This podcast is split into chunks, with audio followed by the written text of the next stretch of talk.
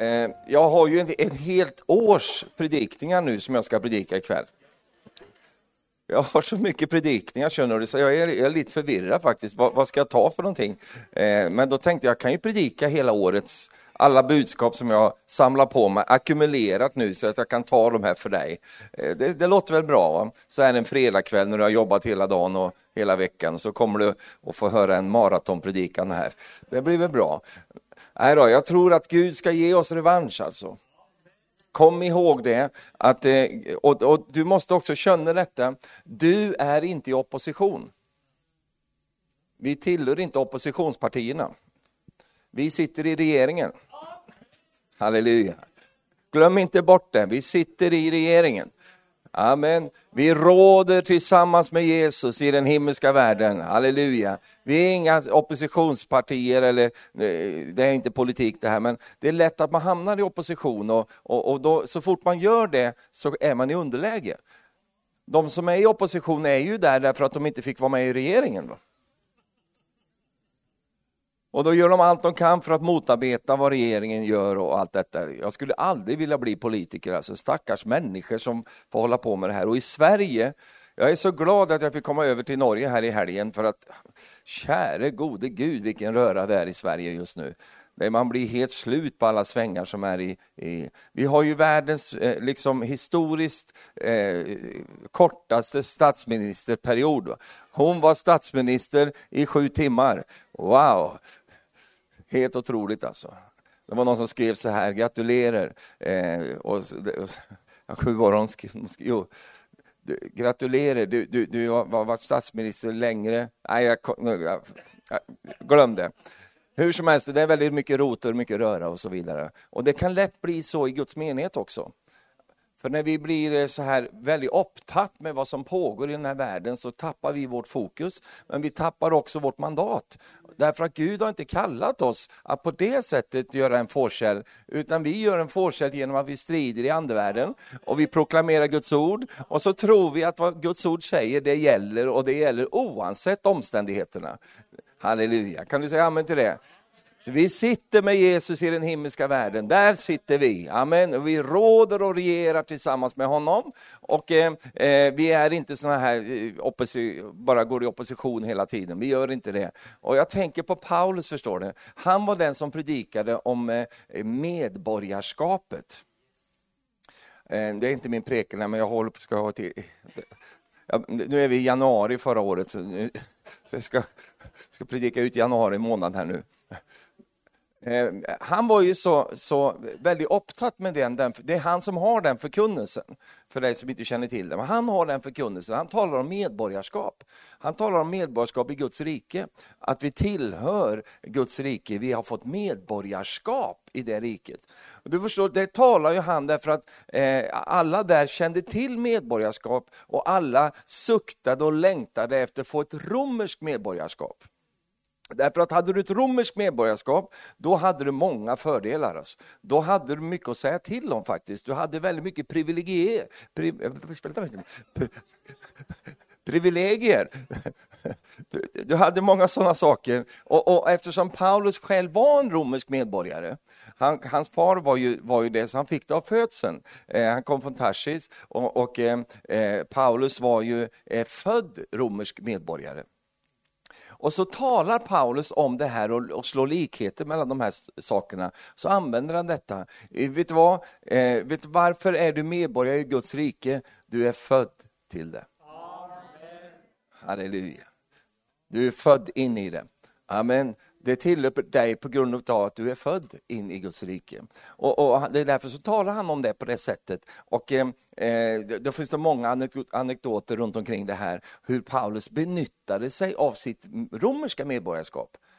Du vet att, eh, nu ska jag inte preka om det här, men det finns många saker om det romerska eh, medborgarskapet som Paulus hade studerat. Han visste vad som gällde. Och det finns ett ställe som är så underbart, där, där Paulus blir gisslad, alltså piskad, och han blir satt in i, i, i, i fängsel, och, och, och man, man, man, man ställde till det för honom för att han hade präkt evangelium. Piskar man honom, eh, och när de ska sträcka ut honom på sträck, den här eh, torteringsgrejen, eh, så vänder han bara upp huvudet och säger så här, är det okej okay att man eh, gisslar, säger ni så på norsk? Giss, nej, det gör ni inte. Nej. Är det okej okay att ni piskar eller att ni torterar? Tortyr kan ni va? Mm, det vet jag. Jag vet att ni kan det.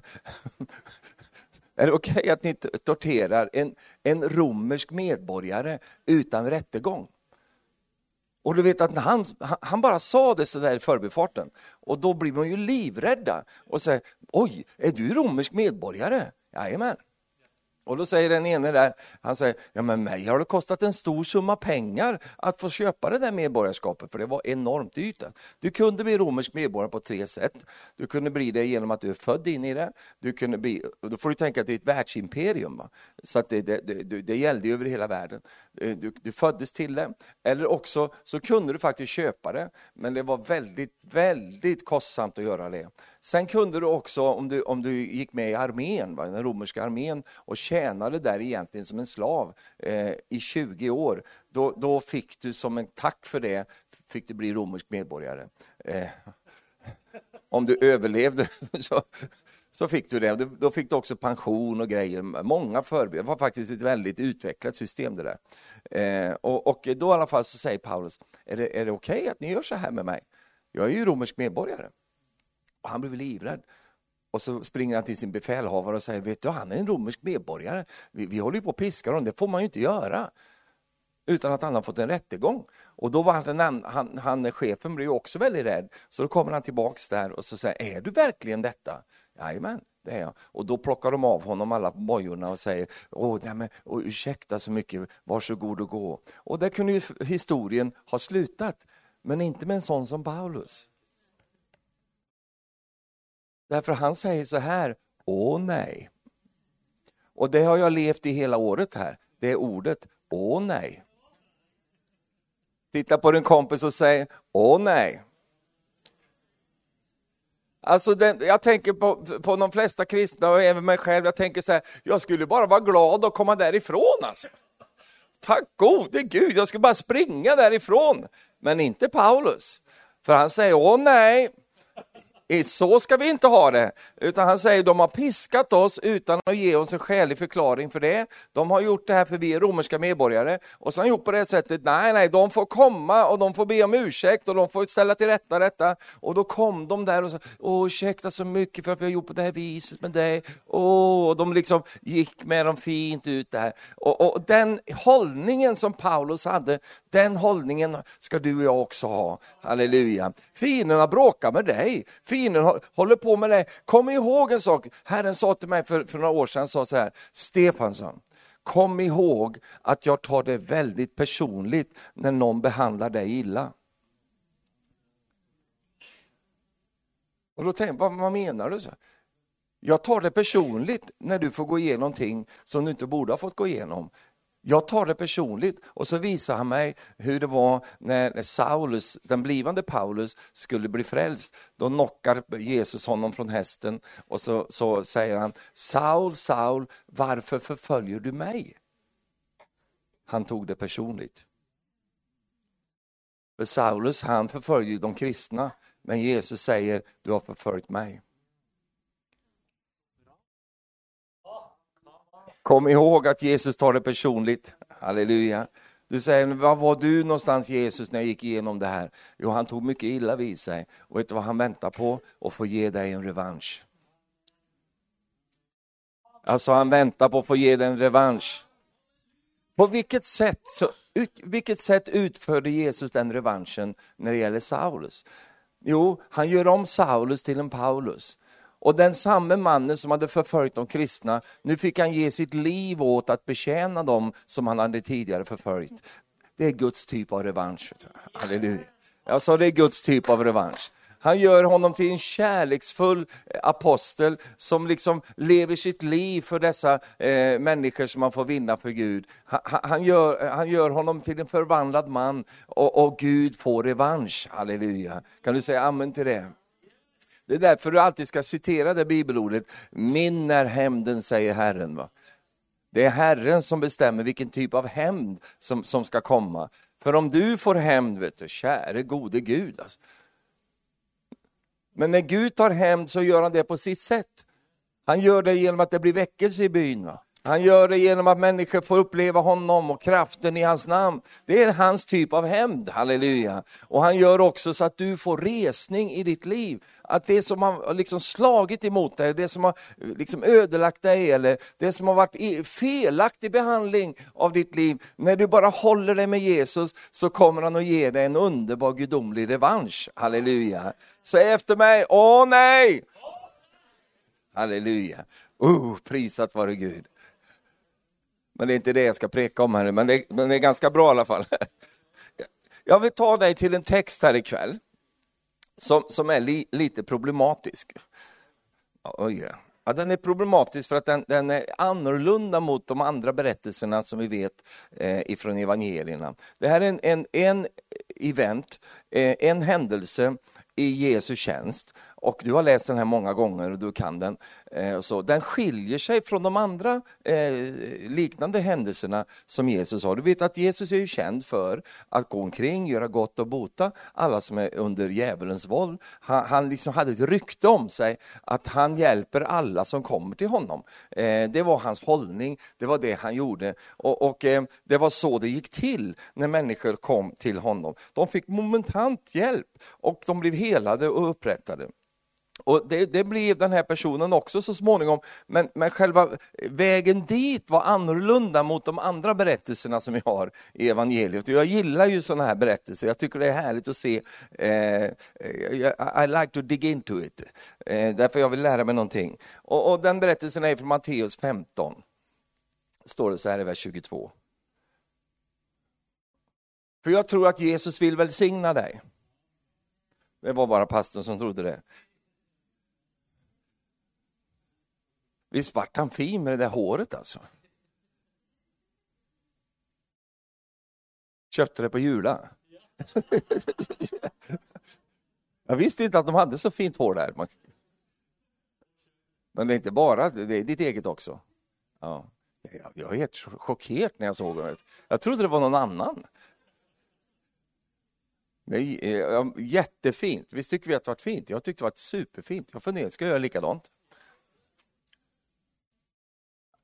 Nej, jag tror inte det. Det är så, det är så dyrt att hålla det vid like sen. Men det, gör ju inget, det drabbar ingen fattig ändå, så det, halleluja. Alltså Jesus behöver en möjlighet att få välsigna dig. För att ibland är det så här att, eh, jag vet inte om du har upplevt det så någon gång i ditt liv, att du känner som att, ah, kära någon, liksom, varför blir det inte? Va? Varför kommer det inte igenom? Varför får jag inte tag på välsignelsen? Eh, och då kanske vi då då kanske vi då funderar på, på är det något fel på mig?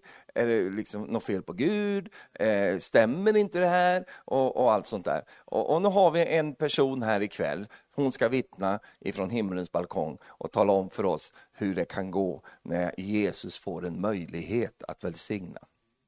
Och den här berättelsen känner du till säkert om du har läst din bibel. Vi läser från vers 22. Då kom en kananeisk kvinna från dessa trakter och ropade Herre Davids son, förbarma dig över mig. Du som kan din bibel och kan de här berättelserna, du vet att det var en annan som ropade det här också. Han heter Bartimeus. Han ropade samma sak. Herre Davids son, förbarma dig över mig. Så, så hon ligger ju i linje här. Va? Det är, hon, är, hon, är, hon, hon är ju rätt på något sätt. Va? Ja. Min dotter är svårt besatt. I vers 23. Men han svarar henne inte med ett ord. Och allt folket sa wow. Vilket motlut. Hon gör allting rätt här. Hon ber fervently, alltså hon ber intensivt, hon ropar, det gjorde Bartimeus också, han skrek och ropade. Han ropade de här sakerna, han sa Herre Davids son, förbarma dig över mig. Hon, hon erkände vem Jesus var, han är ju en Davids son och allt det där. Och han, han ville, hon ville ha förbarmande över sig. Och Jesus, han svarar henne med, inte med ett ord. I alla andra liknelser, eh, inte liknelser, alla andra berättelser om när Jesus gör under och täcker och allt det där, så är det han som tar oftast initiativet. Och han är väldigt villig att ge det som människor längtar efter. Men här har vi en ny situation. Nu är det inte ens djävulen som är emot henne, Jesus är emot. Och allt folk är så, mamma mia. Och du säger, men Jesus, vem är du? Herre, jag, jag ropar och ber och gör allt det här. Och så, du, du pratar inte ens med mig. Och då kan ju någon lägga in, ja men hon är ju kvinna. Nej, han har pratat mycket med kvinnor i sin tjänst. Så det handlar inte om att det är en kvinna. Och du säger, ja men hon var ju inte jude. Ja men det fanns andra icke-judar som blev supervälsignade av Jesus. Så någon, det kan inte stämma heller någonstans. Och nu är jag sån här, ska du gå nu?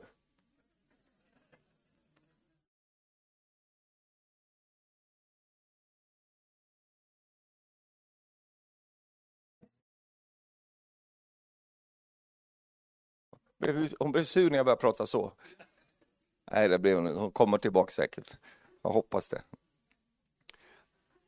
Han svarade inte henne med ett ord, sa ingenting till henne, bara tyst. Har du känt det så någon gång när du har bett till Gud? Det är helt stängt där uppe.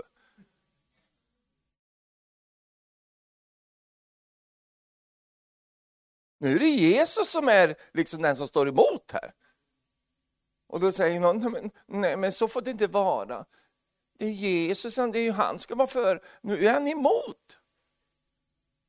Men jag är ju sån här att jag tänker så här, för det är så här, summan av Guds ord är sanning. Okej? Okay? Så du tar alla berättelserna i evangeliet om det här eh, med helande och, och välsignelser och sådana saker. Ta dem och sätt samman dem så kommer du finna en bild. Va? Du kommer se att det finns ett mönster. Och det är det som att det här som vi läser ikväll, det avviker liksom ifrån mönstret. Och, och det är sånt triggers me. Alltså det, det, det, där, jag går igång på sånt här. Därför att jag känner, aha, vad kan jag lära mig här nu som jag inte redan visste? Vad, vad, vad, kan jag få tag på här nu? För jag vet någonting om Jesus. Jag vet att han vill mig väl. Jag vet att han kan krossa murar för att komma igenom och hjälpa Stefan. Det vet jag. Ja, det vet jag genom min erfarenhet och jag vet det genom Guds ord. Jag vet att han är villig att hjälpa mig. Ska jag då komma och hela honom, säger Jesus till hövitsmannen när han eh, ber om hjälp och hade liknande situation. Han hade en tjänare som låg hemma sjuk. Hon har en dotter som ligger hemma sjuk. Och, och Jesus säger om honom och till honom, jag kommer, jag, jag kommer direkt. Och då säger han, det behöver du inte för att det räcker att du säger ett ord. Så Vi har sådana berättelser också. Och så har du den här kvinnan nu, hon får möta någonting som verkligen är jobbigt för henne. Och jag tackar ju Gud att hon inte är svensk. Alltså. Sverige är världsmästare på lättkränkthet. Va?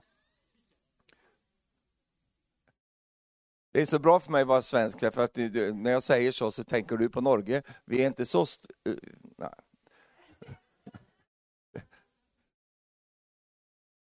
Alltså, eh, jag fattar inte hur det har blivit sådär, men, men, men folk blir ju kränkta för vad som helst. Va? Den här kvinnan, vi ska fortsätta med henne lite grann, hon skulle kunna bli kränkt.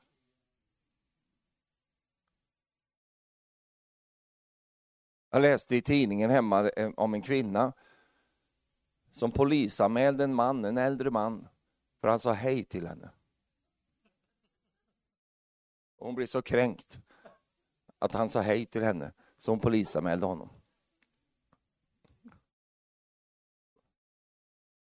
Kära, ja, käre Gud, ja, det kan man, så hon kunde ju verkligen blivit irriterad här och, och, och ledsen och allt möjligt. Han svarar inte ett endaste ord. Och då så kommer hans lärjungar fram och ber honom och säger, skicka iväg henne. Hon förföljer ju oss med sitt ropande. Och där någonstans börjar jag skönja någonting här. Det är något med hennes rop. det är något med hennes rop som är irriterande. Nej, jag pratar inte om din fru nu. Det är något med hennes, med hennes skrikande, det är hennes, hennes gnat och tjat och gnällande som gör att de hela lärjungaskapet får ju tinnitus i öronen. De, de känner, kan du skicka iväg henne? Vi orkar inte med att höra det där ljudet. Hon håller på att ropa på ett sätt, för det finns något i ropet som antingen distraherar eller får, får en, en sån utgång, eller så attraherar det. Jag vet inte vad det var med henne. Men någonting var det i alla fall som gjorde, för vi kan läsa av det på lärjungarna, därför att de tyckte att det, här, det, det, är något med det här som inte, vi tycker inte om det, det stör på något sätt, det är irriterande. Därför att när Bartimeus ropade så, så var det också irriterande för de religiösa, de tyckte inte om det. Men då, då står det att då ropade han ännu högre. Men det fanns en som tyckte om hans rop. Och det var Jesus. Han säger, kalla hit honom. Låt honom komma. Halleluja. Och då säger lärjungarna, skicka iväg henne, vi orkar inte med den här tanten. Få, få henne härifrån. Och då säger Jesus så här, då blir han teologisk helt plötsligt. Då säger han så här, nej men jag är inte kallad till, till de, de, några andra än den förlorade fåren av Israels hus, förstår ni? Säger han till lärjungarna.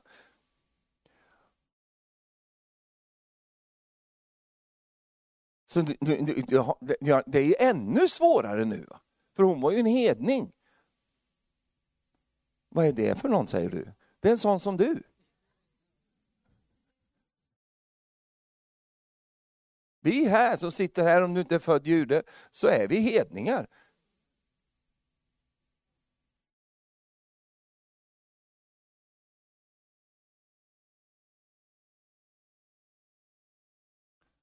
Inte kallad till sådana som henne. Man kan tycka, vad kylig du är Jesus. Jag känner inte igen dig. Vad har hänt i ditt liv? Har du fått någon sjukdom? Vad är det med dig? Är jag den enda som kan, som kan tänka lite sådär? Alltså, du kanske inte har läst det här så många gånger, men jag har läst det många gånger. Och jag, varje gång jag läser och tänkt så här, jag vill helst bara hoppa över till slutet på den där berättelsen, för den är så härlig. Men det, det är lite så jobbigt i början. Va? För, för jag tycker han är lite väl tuff mot den här damen alltså. Det tycker inte du, men jag kan tycka att det är lite sånt. Att, eh, va, va, gör, varför gör du så här Jesus? Men då tänker jag på den här kvinnan då. Först så pratar han inte med henne, öppnar inte munnen ens. Va? Han säger ingenting. Bara det blir det ju jobbigt. Va?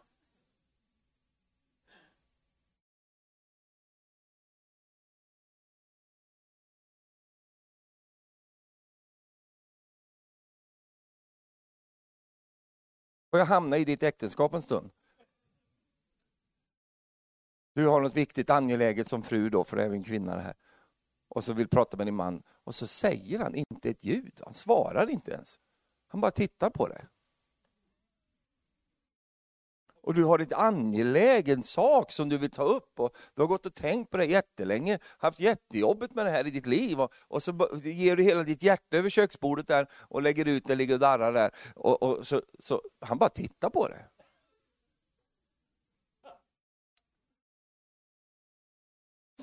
Sånt, alltså sånt där kan, ju, det kan skapa problem i äktenskapet, jag lovar det. Alltså, det kan bli superjobbigt.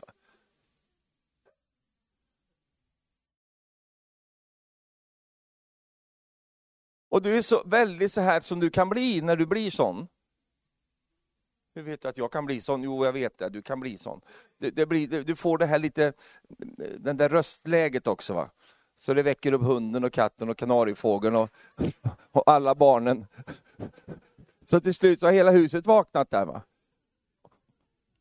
Och så är du så intensiv med din man där och du vill få fram liksom det här jag har tänkt på. Verkligen, och han bara tittar på dig. Och till slut så har alla barnen vaknat och, och, och, och, så, och så kommer de fram till pappan i huset medan du sitter där vid köksbordet. Och så säger de till pappan, och säger, skicka ut henne. Vi, vi orkar inte med det här. Vi orkar inte med henne. skicka iväg henne. Man skulle ju kunna, alltså rent humanistiskt, så skulle man kunna tänka att, att man tar lite parti, man tar liksom lite parti, lite, lite parti för kvinnan. Va? Att man liksom, stackars människa, och, och, och så. Att man, alltså, nu tänker jag på lärjungarna. Att de skulle ha den känslan att, ja men Jesus kan du inte, kan du inte fixa det här Jesus? Hon, hon har ju jättejobbigt med de här grejerna. Det är ju superjobbigt.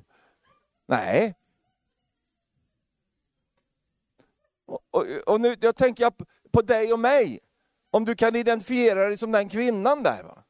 Det är så jag tänker i alla fall. Här har jag ju allt emot mig. Först Jesus, han pratar inte med mig. Lärjungarna, de vill skicka iväg mig någonstans långt bort i stan någonstans för att de orkar inte med mig. Så jag har, ingen, jag har inga allianser, jag har ingenting här. Jag är helt själv här.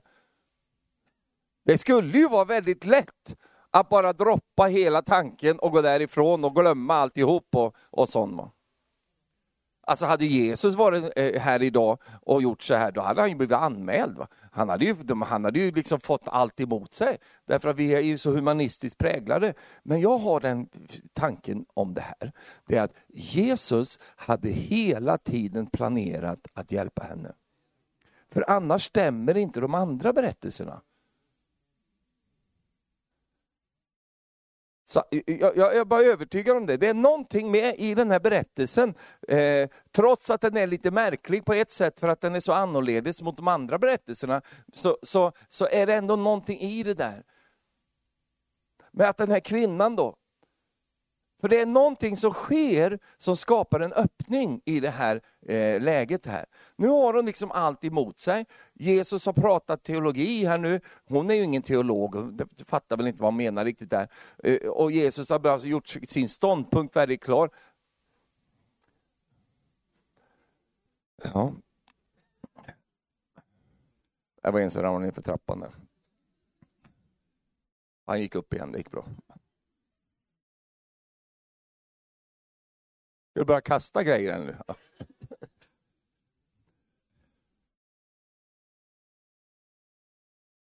Så vad hon har fått emot sig här nu då?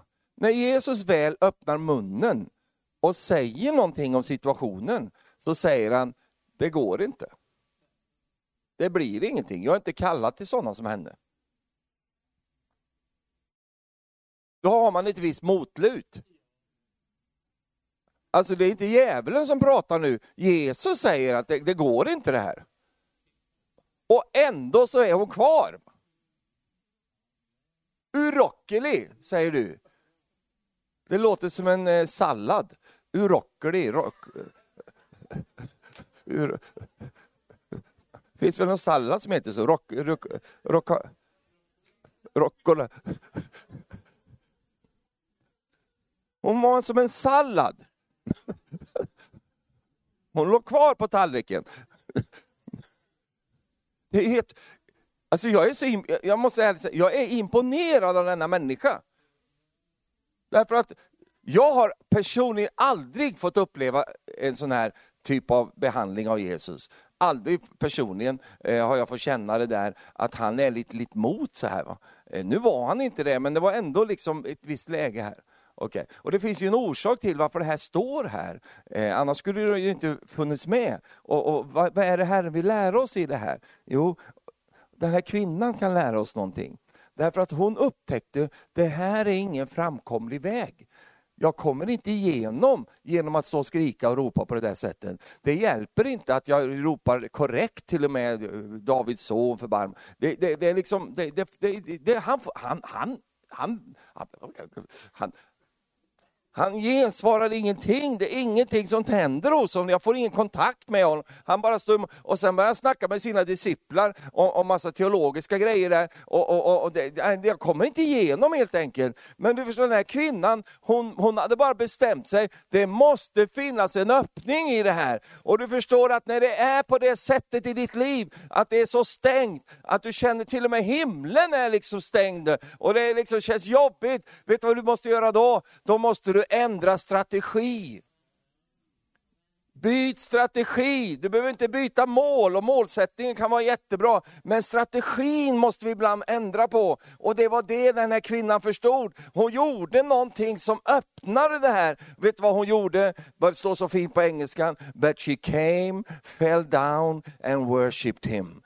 Det var någonting med hennes start som gjorde att eh, hon kom inte igenom. Va? Därför att hon, kom, hon gjorde rätt, hon bad och allt det där. Men, i, men hon gjorde det på bekostnad av det man bör göra först. Hon kom, föll ned och tillbad honom. För det är många människor som vill ha saker av Jesus, men de vill inte tillbe Jesus. Det är många som önskar att han ska hjälpa dem, men de är inte villiga att gå ner och tillbedja Jesus. Vad gjorde hon? låg ner i gruset, för det är det man gör. Fell down before him. Hon föll ned för honom.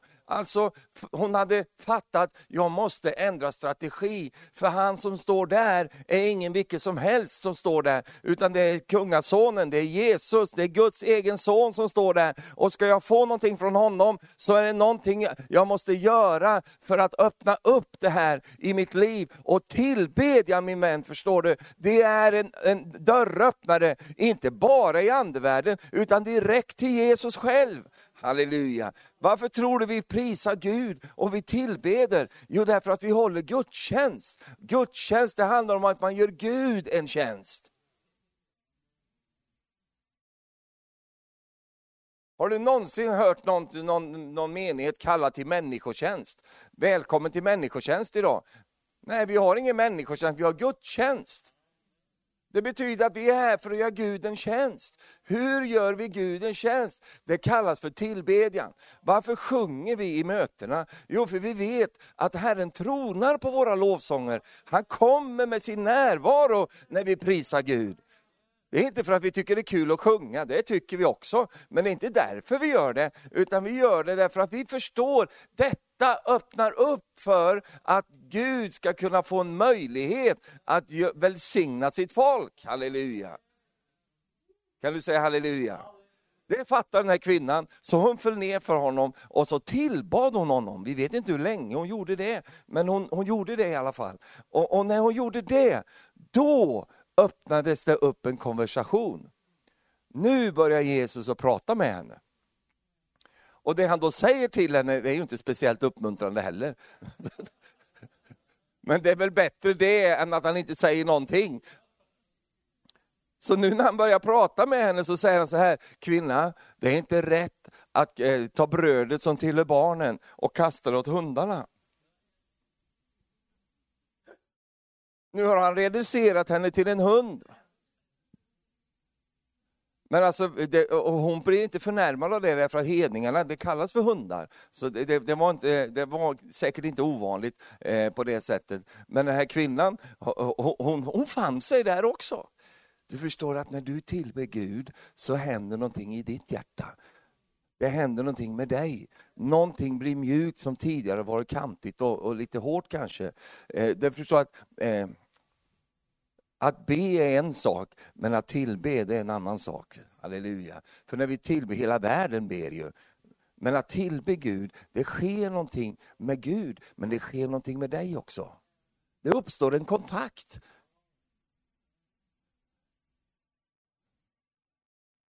Har du träffat på människor som är vänliga, men de, har, de är hjärtlösa? De är vänliga, men de är inte hjärtliga. Vad är skillnaden? Jo, en hjärtlig människa får du kontakt med. Vänliga människor, det är ju trevligt om de är vänliga, men, men, men för att det ska uppstå den här dynamiken som blir när du möter en människa, där du känner att du, liksom, du får kontakt med människan. Jag, jag blir så frustrerad när jag träffar på människor som jag inte får kontakt med.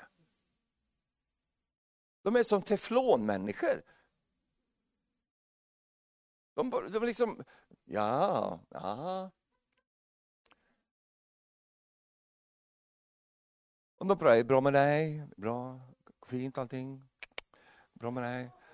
Och, och, och du bara känner, det, det, jag, jag, blir jättefrustrerad av sånt, kanske inte du blir, men jag blir det. Därför jag känner att jag gör vad som helst för att få kontakt. Va? Jag, du, du, kan tycka att jag är lite morro så här när jag predikar och så, det bara kommer ju naturligt. Eh, men jag är likadan när jag går till, till eh, eh, tandläkaren eller var jag än, än går någonstans.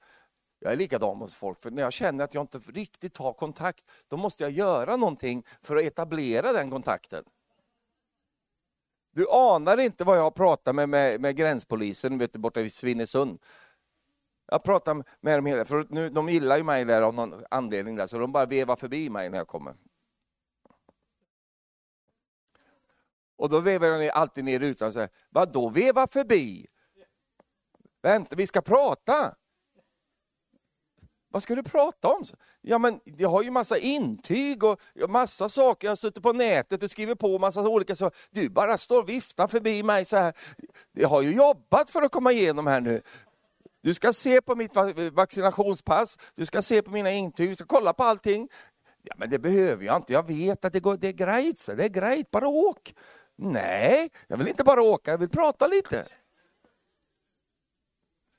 Och när jag åker tillbaks från Norge till Sverige, ibland händer det, det är inte ofta ska jag säga, men ibland händer det att de har stängt på svenska sidan. Och då måste man åka in där och det är, det är mycket bökigare att åka in den vägen för att då, då det tar sån tid jämt. Eh, och så. Och jag är likadan där. Va? Ja, vad har du gjort? Jaha, jag, pre, jag har predikat. Jaha, åk då. Vadå åk? Jag vill inte åka än.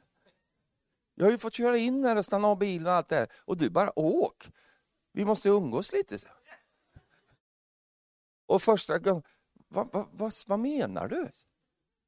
Ja men vi, vi måste ju prata lite också. Bara in, ut, sticka iväg sådär. Vad är det för relation? Det är väl ingen relation med en tulltjänsteman? Vi pratar lite. Va? Ja, varför ska, så, vad ska vi prata om, säger han där, konstapeln. Vad ska vi prata om? Ja, hur har du det hemma? Hur har du det hemma? Vad menar du? Ja, men hur har du det hemma?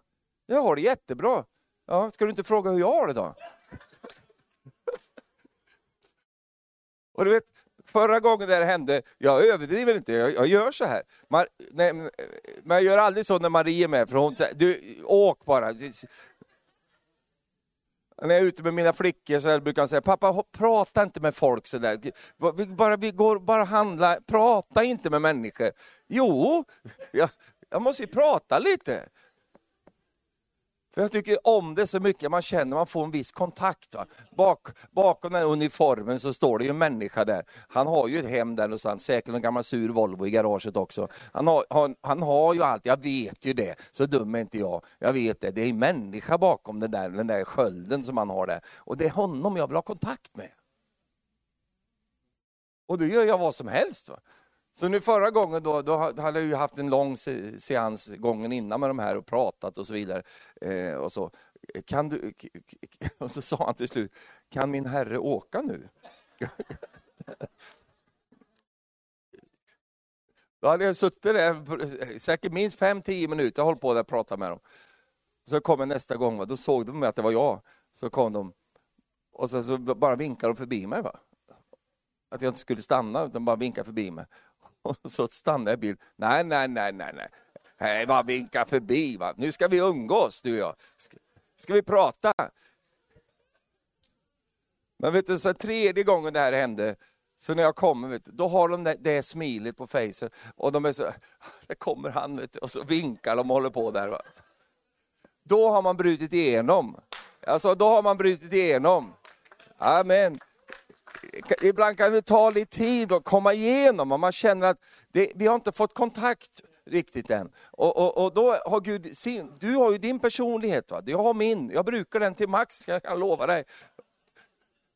Jag gör vad som helst för att, för att liksom upp... För jag tycker det är så frustrerande när det bara är ord. Va? Det är bara liksom bla bla bla bla bla bla bla bla bli bla bla bla bla bla bli bla bla bla.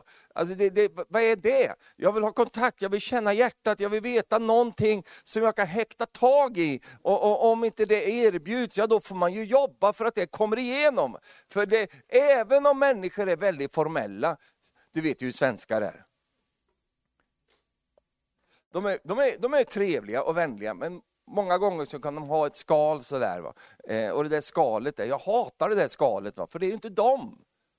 Det spelar ingen roll, norrmännen är mycket bättre på det där tycker jag i alla fall. Säger du nej till allting? Eller? Men det kanske är för att de vet, det kommer han den svensken, när han ger sig inte förrän vi... Jag snackar med alla de här killarna borta vid gränsen, polismännen och allt det där och frågar, hur, hur går han bra din bil? för? Va, vad sa du? Ja men din bil, du har väl en bil? Så. Ja det har jag. Först är han lite myndig. Ja det har jag. Ja men går han bra? Har du servat den? Va? Ja men har du servar du bilen? Så. Och helt plötsligt så så faller garden. Jag älskar det där, halleluja. Jag har kört lite för fort ibland. Det har hänt. Det har ju du med gjort. Ja, du sitter.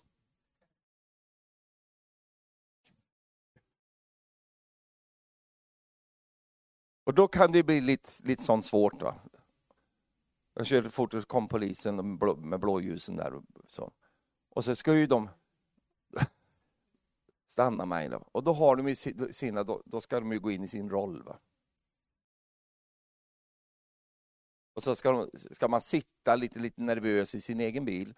Och så ska ju de då göra sig i ordning med sina papper och papirer och sätta på sig mössan och pistolen och automatgeväret och allting liksom och helikoptern ska snurra. Det, då ska de komma ut där. Va? Och så ska de gå fram till din bil och så sitter du där som en liten, liten sån här. Men det funkar inte på mig. Så. De stannar mig och så, och, och så fort de kör om med blåljusen stannar där så stannar jag där. Då öppnar jag min dörr och så springer jag över till deras bil. Springer så här. Och när de då, för då ska de göra ordning sitt protokoll där och, och, och så. Då knackar jag på rutan på sidan där. Och då... De vet, va, vem är du? Ja men du har ju stannat mig. Så. Ja, jaha, ja. Och då tappar de hela den här grejen. Och det gör det, då får vi vad då? Kontakt. Jag är inte otrevlig. Det är, ju inget, det är ingen lag som säger att du får inte gå ur din bil för polisen har kommit över till dig. Det är inga, inga lagar, men det, det, finns koder vet du. Och ibland får man bryta de där koderna så kommer man in där. Halleluja. Det här hände mig för några månader sedan. Jag hade kört lite för fort, inte mycket alls. mycket lite. Och, och så, då, då hann jag precis in så här. Det kommer in en och sitter han där i bilen och jag sticker in huvudet in i bilrutan där. Så han bara, det var, det var innan corona där. Och då, och så, uh, ja, vad gör du? så? Ja, vad gör jag? Jag har ju stoppat dig. Ja, men det vet jag. Det är därför jag står här nu. Ja. Har du jobbat länge med de här grejerna? Frågar honom. Vad menar du? Ja, men du är ju inte så gammal. Du ser ju ganska ung ut. Hur gammal är du förresten? Så jag, jag är 29 år. Jaha, ja, jag har en pojk som är äldre än dig. Och så, och så har jag döttrar också. Vi har hund också hemma hos oss. Och så helt plötsligt så... Jaha, har ni sån... Ja. Och sen börjar vi prata och sådär. Och så blir det sådär trevlig stämning. Det blir, och jag säger, jag vet att jag körde för fort, jag vet det, för jag satt och sov där i bilen. jag, jag, var, jag var så trött, jag har inte tittat på den här mätaren på länge. Så, så jag, jag vet att jag har kört. Allt det du kommer att säga till mig nu, det stämmer alla gånger. Men, men jag vill bara prata lite med dig först. Ja, vad vill du prata om då? Så? Ja, vi kan prata om vad som helst. Vad tycker du vi ska prata om? Vadå pra? Jag, jag är polis. Ja, det ser jag att du är polis. Vilken fin dräkt du har. Jätte... Jag är predikant, sa jag. Jag är predikant. Jaha, är du predikant? Vad är det för något? Så? Ja, men det, jag predikar Guds ord. Va? Och helt plötsligt var vi inne på något tema där. Va? Och så fick vi en kontakt. Och när kontakten är etablerad så blir allting så mycket enklare sen. Och även om du får en bot så är det någonting som har skett innan. Halleluja. Nu behöver inte du göra som jag har gjort. Va? Amen, nu ska jag börja snacka med alla jag pratar Nej, för det måste ju komma naturligt ur dig. Men just det där att ibland, du, du vet vad jag pratar om, du känner så här, man har ingen kontakt. Nöj dig aldrig med det. Va?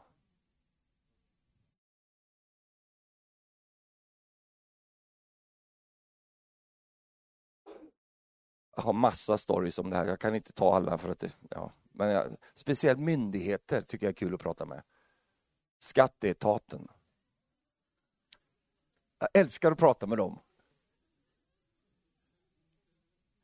Så jag ringde till skatteetaten, det var någon grej som de tyckte jag skulle betala. Så ringde jag dem och då så, så, så svarade hon då på det här. Barbro? Hallå Barbro! Nu har vi ett problem. Har vi? säger hon. Jajamän, du och jag har ett problem. Jag har inget problem, säger hon. Jo, du har ett problem för du har skickat brev till mig. Och det brev du har skickat till mig har jag problem med. Då har vi ett gemensamt problem du och jag. Har vi? Ja. Men nu behöver jag din hjälp Barbro. Du måste hjälpa mig. Jag kan inte så mycket om sådana här saker. Jag vet det. du kan mycket du Barbro. Oj vad du är duktig. Du kan mycket. Är du gift Barbro? Ja, jag är gift. Jag har tre barn. Vad fint. Hur gamla är de? Ja, de är 7, 15 och 17. Ja. ja, men det är fint Barbro. Jag har också barn. Jag har också en hund. Sen har jag en papegoja också. Du tror inte att jag gör det här, men jag, jag gör... Har du? För jag tänker någonstans är det någon, det hakar i någonstans här, så jag prövar lite olika. Och när man säger så papegoja, jaha, ja det har jag också haft en sån. Då har vi kontakt. Och sen så ger jag mina grejer och allt det där till henne och pratar. Vet du, sen ringer hon mig flera dagar Stefan, till mig och säger du Stefan, jag tänkte på det samtalet vi hade du, du Alltså, och så kollar jag de här grejerna. Alltså det här är ju inte riktigt, eh, jag förstår ditt problem Stefan. Ja, det är vårt problem Barbro. det är vårt. Så, så då gjorde jag, tänkte att vi kunde göra så här. Och du vet, då hjälpte hon mig så mycket och löste upp en grej som hade kunnat bli jättejobbigt om jag hade bara varit stursk va? och bara hållit på, för då hade hon klippt klipp tillbaks med sin formella roll. Men den hade jag ju skalat av henne, så nu var det ju Barbro med tre barn. Och som tyckte om papegojor. Kan du säga halleluja? Så varför vill du komma någonstans Stefan med det här? Jag måste ju alltid komma någonstans. Det är ju bara härligt det här. Jag, jag är på väg någonstans. Var inte, så, var, inte, var inte orolig för det. Halleluja. Tack Jesus. Prisat vare Herrens namn. Säg kontakt. Har du kontakt med Herren? Ja, enligt hans ord så har jag det. Mm, står du så där inför Gud? Herre, ditt ord säger olika saker till mig. Gör du så här med din gubbe också? Jag är gift med dig, vi har ett förbund, vi har stått inför prästen och gjort det. Man gör ju inte så, utan man behöver kontakt. Du vet du som fru, när du inte har kontakt med gubben. Han sitter där hemma. Jodå. Och han låter och det luktar och det är allt möjligt där. Men du känner en superfrustrering för att du har inte kontakt.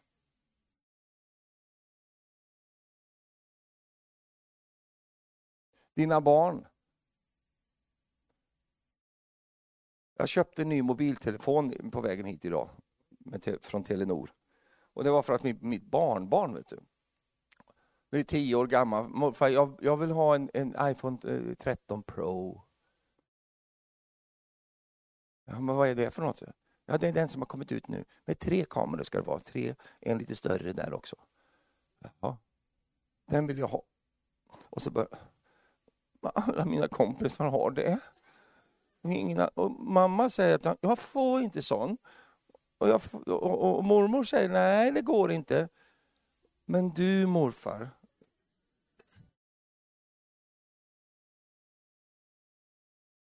Hon bara lindar upp mig sådär. Va? Så då sitter jag och ringer och ordnar det där och fixar det där. Så, så, så måste jag ju prata med den där på Telenor där också. Det är så, hon är bara tio år, den här som ska ha den här. Ja, säger hon på Telenor. Det är ju ganska avancerat för en tioåring att ha en sån. Ja, vad säger jag då? Ja, men det var ju den hon ville ha. Jaha, men vi har ju enkla, lite mer barn.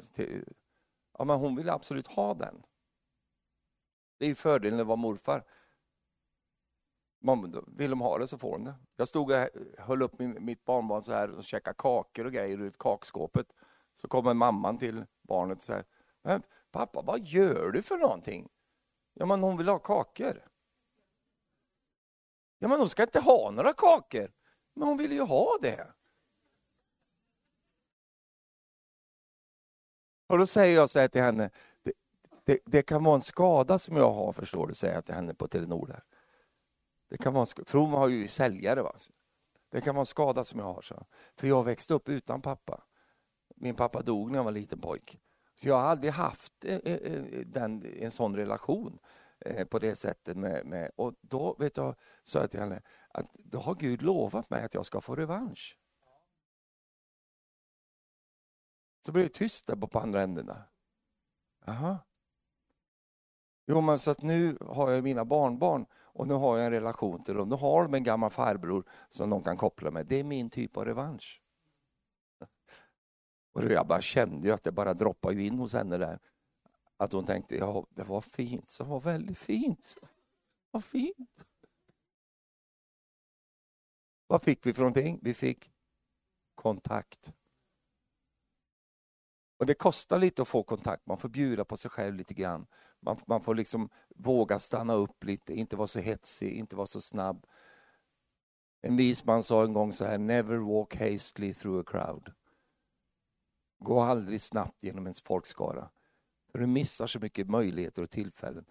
Och det finns människor som, som bara man kommer förbi skalet så är det någonting helt annat än att möta ett skal. Va? Nu har den här kvinnan fått kontakt. Hur fick hon kontakt? Hon föll ner och tillbad honom. Då har det etablerats en kontakt och då säger Jesus de där orden. Det är ju inte rätt att ge ett bröd som till barnen och kasta det åt hundarna. Och så säger, på svenska står det jättebra, så säger kvinnan så här, jo. Säg efter mig, jo. Också hundarna äter av de smulor som faller ner från deras herres bord. Du, du, kanske inte vet lika mycket om hundar som jag vet. Jag har haft massor av hundar. Och alla hundar som jag har haft, de, de vet en sak. Vi tillhör, jag tillhör hushållet här. Jag är med i det här gänget här som sitter här. Och de vet att jag kan inte hoppa upp på bordet och äta för då sparkar de ner mig. Men de vet att om de bara sitter där och väntar så droppar det ner smulor från bordet som faller ner till dem och så spiser de det. De vet att de har vissa rättigheter. De vet att som hund har jag inte rättighet att bara spisa upp hela limpan. Eh, utan men som hund bara sitter jag och väntar där man säger inte limpa på, på norska kanske, hela luff, luffan, eh, brödstycket. Jag får inte ta hela kakan där, men jag, jag, om jag bara sitter där så kommer det, jag lovar det, kommer en droppe eller en smula ner till mig och den är min. Jag vet att jag har rätt. Vad bra att du sa att jag var en hund alltså! Amen! Då vet jag att då kommer jag få mitt mirakel. Jag vet det, för jag behöver inte hela brödstycket. Det behövs inte. Det räcker med lite smula till mig, förstår du. Det räcker så gott. Jag har vad jag behöver. Får jag bara en smula? Woo! Du förstår att den där smulan är av samma kvalitet som det som är i hela brödstycket. Det fattar den där kvinnan, hon förstod det. Woo! Halleluja. Vi, vi, har en hund hemma hos oss nu, som det är inte våran hund, det är min dotters eh, och hennes mans hund. Och, och, men han är ju alltid hemma hos oss då. Och, och när de eh, kommer och äter, så har de en pojk som är ett år gammal. Har du haft en ettåring hemma som ska äta själv?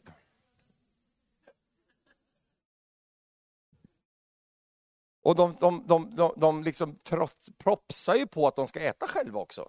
De sitter där med gaffel och sked. Och de träffar ju aldrig munnen. Och jag blir så trött på honom. Munnen är där! Stoppa in skeden i munnen! Nej då. Och då satt hon och spiste gröt, vet du. och då sitter den där hunden under där. Va? Och det slutade när hunden gick iväg, han hade gröt över hela kroppen. Han hade, överallt. Han hade bara suttit och slängt på honom så här. Slängt ner grötbitar på, på honom där. Och då tänkte jag precis på det här, att den där lilla hunden där, han förstod någonting. Sitter jag bara här, så det kommer ner till mig. Vet du. Det bara kommer. Ser du kvinnan där? Nej, hon är inte där alltså, i Bibeln. Där. Ser, ser du? Hon, hon, hon var på en plats där hon kunde finna fram. Därför att hon var inte så stursk, hon var inte så kaxig, eh, men, men hon var bruten i den bemärkelsen att hon hade fått så mycket motstånd emot sig. Och sen så tillbad hon Herren, och när hon tillbad Herren så gav det också öppningar för henne. Så att när då Jesus säger, det är inte rätt att ta det här som tillhör barnen och kasta till hundarna. Då, där, oh, sa du hund? Jippi, han sa hund! Oh! Då, då är det ju mitt! Då kände hon yes! Halleluja. Prisat vare Herrens namn. Och du vet du vad? Hon vann över Jesus. Och Jesus han bara tittar på henne. Kvinna, alltså. din tro är stor. Alltså. Det ska bli som du vill. Alltså. I samma stund var hennes dotter frisk. Det står en dotter på verandan när mamma kommer hem den eftermiddagen och välkomnar sin mamma. Nu är hon vid sunda sinnen, nu är hon befriad från allting. Därför att den där mamman var villig att ändra strategi. Hon var villig att inte släppa taget, men hon ändrade stilen. Och när hon gjorde det så förstod hon att då kom jag i kontakt med Jesus. Halleluja.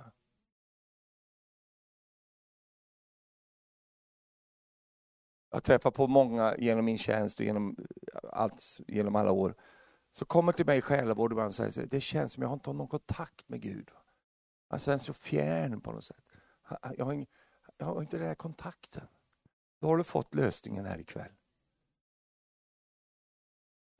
Ja, ska jag behöva ner i gruset där och leka hund? Va? Ska, ska, ska det vara på det viset? Ja, där har vi problemet. Istället för att säga, nej men jag gör vad som helst. Bara jag, får, jag kan göra mig till lite dåre faktiskt. Jag, gör, jag kan göra till mig lite, bara för att känna att vi har kontakt med varandra. Halleluja. Det krävs lite att svälja sin egen stolthet och bara säga, okej, okay, då, då, då gör jag det. Jag kan inte leva, personligen, jag kan inte leva i en relation där jag inte känner att jag har kontakt. Jag gör vad som helst för att få den kontakten. För att om jag får den kontakten, halleluja, prisat vare Gud, då, förstår, då vet jag att då finns det en fortsättning också. Jag vet inte vad den fortsättningen kommer leda till, men jag vet att det finns förutsättningar för en fortsättning. Och det var det den här kvinnan kan lära oss en sån här kväll, att eh, hon står där som ett representant för hur man ger Jesus en möjlighet att välsigna.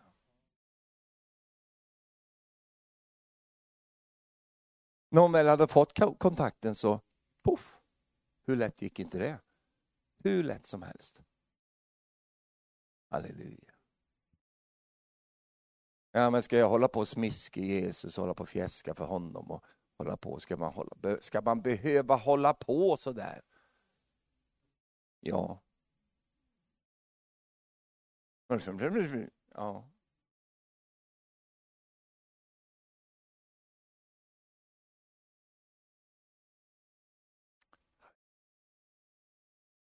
Tack Jesus. Jag vet inte riktigt vad som gick i hennes tankar. Men en sak vet jag, att vad det än krävs så ska jag ha genombrott här. Vad som än krävs ska jag ha genombrott här. Halleluja. En del tänker jag måste fasta tills det bryter igenom. Ibland ska man fasta. Men ibland så säger jag kan du sluta fasta? Du blir, du blir, du blir så rynkig och skrynklig, hela du försvinner. Kan du sluta med detta? Jag vill bara ha kontakt med dig. En del tror att fasta är att bryta Guds arm. Nu vet du fast jag. Mm.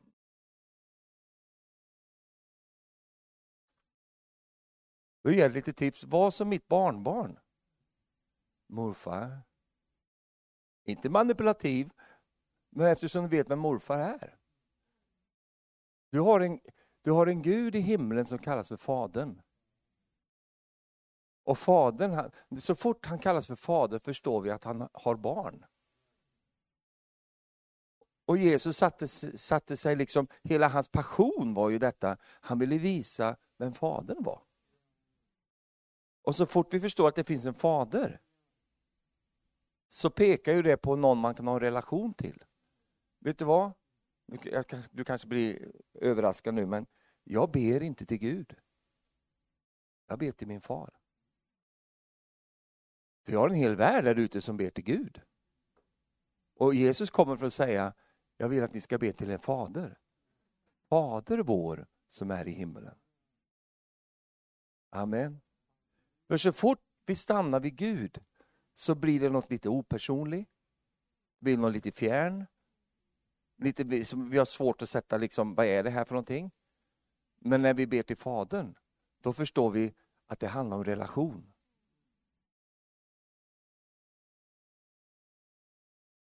Säg tack Fader för en ny iPhone.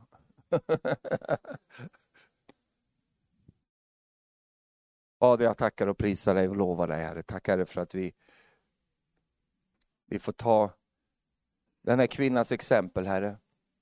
Att vi kan faktiskt komma till dig på ett sådant sätt så att kontakten etableras, Herre.